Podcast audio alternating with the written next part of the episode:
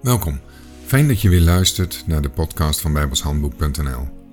De podcast waarbij we bepaalde begrippen uit de Bijbel uitvoerig bespreken. En in deze podcast het laatste deel van de erfenis.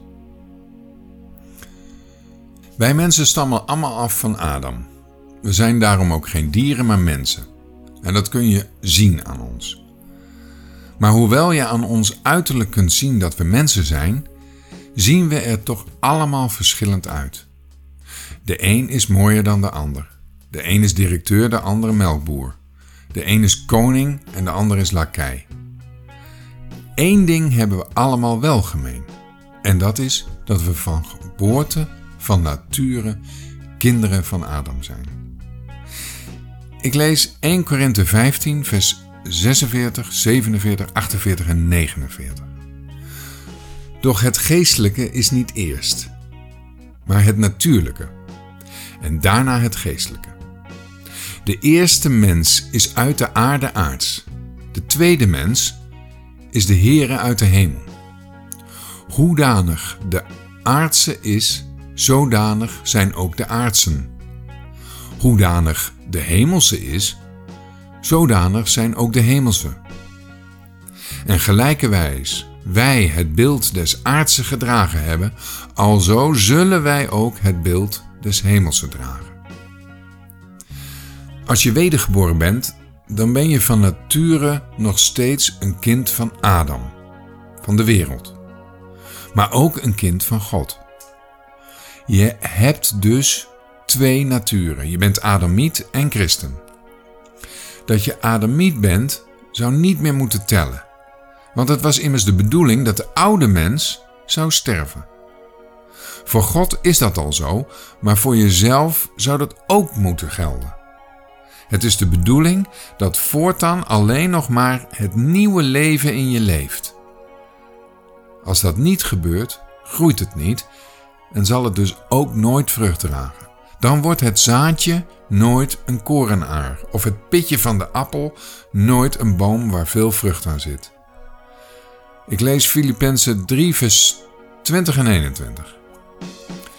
Maar onze wandel is in de hemelen, waaruit wij ook de zaligmaker verwachten, namelijk de Heere Jezus Christus, die ons vernederd lichaam veranderen zal, opdat hetzelfde gelijkvormig worden aan zijn heerlijk lichaam, naar de werking waardoor hij ook alle dingen zichzelf kan onderwerpen. Als je wilt groeien, dan moet je zorgen dat je licht en water krijgt. Daarvoor moet je in de hemel zijn. En als je dat doet, dan zal Christus onze lichamen veranderen. Dan krijgen we een verheerlijk lichaam, dat aan dat van Christus gelijk zal zijn. Hoeveel heerlijkheid je krijgt, heeft te maken met hoeveel je Hem hier gediend hebt. Christus is het hoofd en wij zijn het lichaam. Christus is ook de koning en hij draagt een kroon op zijn hoofd. Daaraan kun je zien dat hij koning is. Een koning heeft ook altijd een koningsmantel om zijn lichaam. Dat is bij Christus ook zo. En ook daaraan kun je zien dat hij koning is. Hoe mooier die mantel is, hoe mooier het hoofd de koning eruit ziet. Hoe meer heerlijkheid hij heeft. De heerlijkheid van die mantel is de heerlijkheid die de gemeente, het lichaam van Christus, uitstraalt. Daarom wil Christus ook dat wij het nieuwe leven leven in dienst van Hem. Als we dat doen, dan zullen we meer heerlijkheid krijgen en de mantel dus ook. Dat is niet in de eerste plaats tot eer van onszelf, maar tot eer en heerlijkheid van de koning. En bedenk je eens de grootheid van Zijn genade, dat Hij ons, zondige en nietige mensen, Zijn lichaam wil laten zijn. En dat wij zo mogen delen in Zijn heerlijkheid. Dat wij met Hem koning zullen zijn en regeren zullen over deze en de toekomende wereld.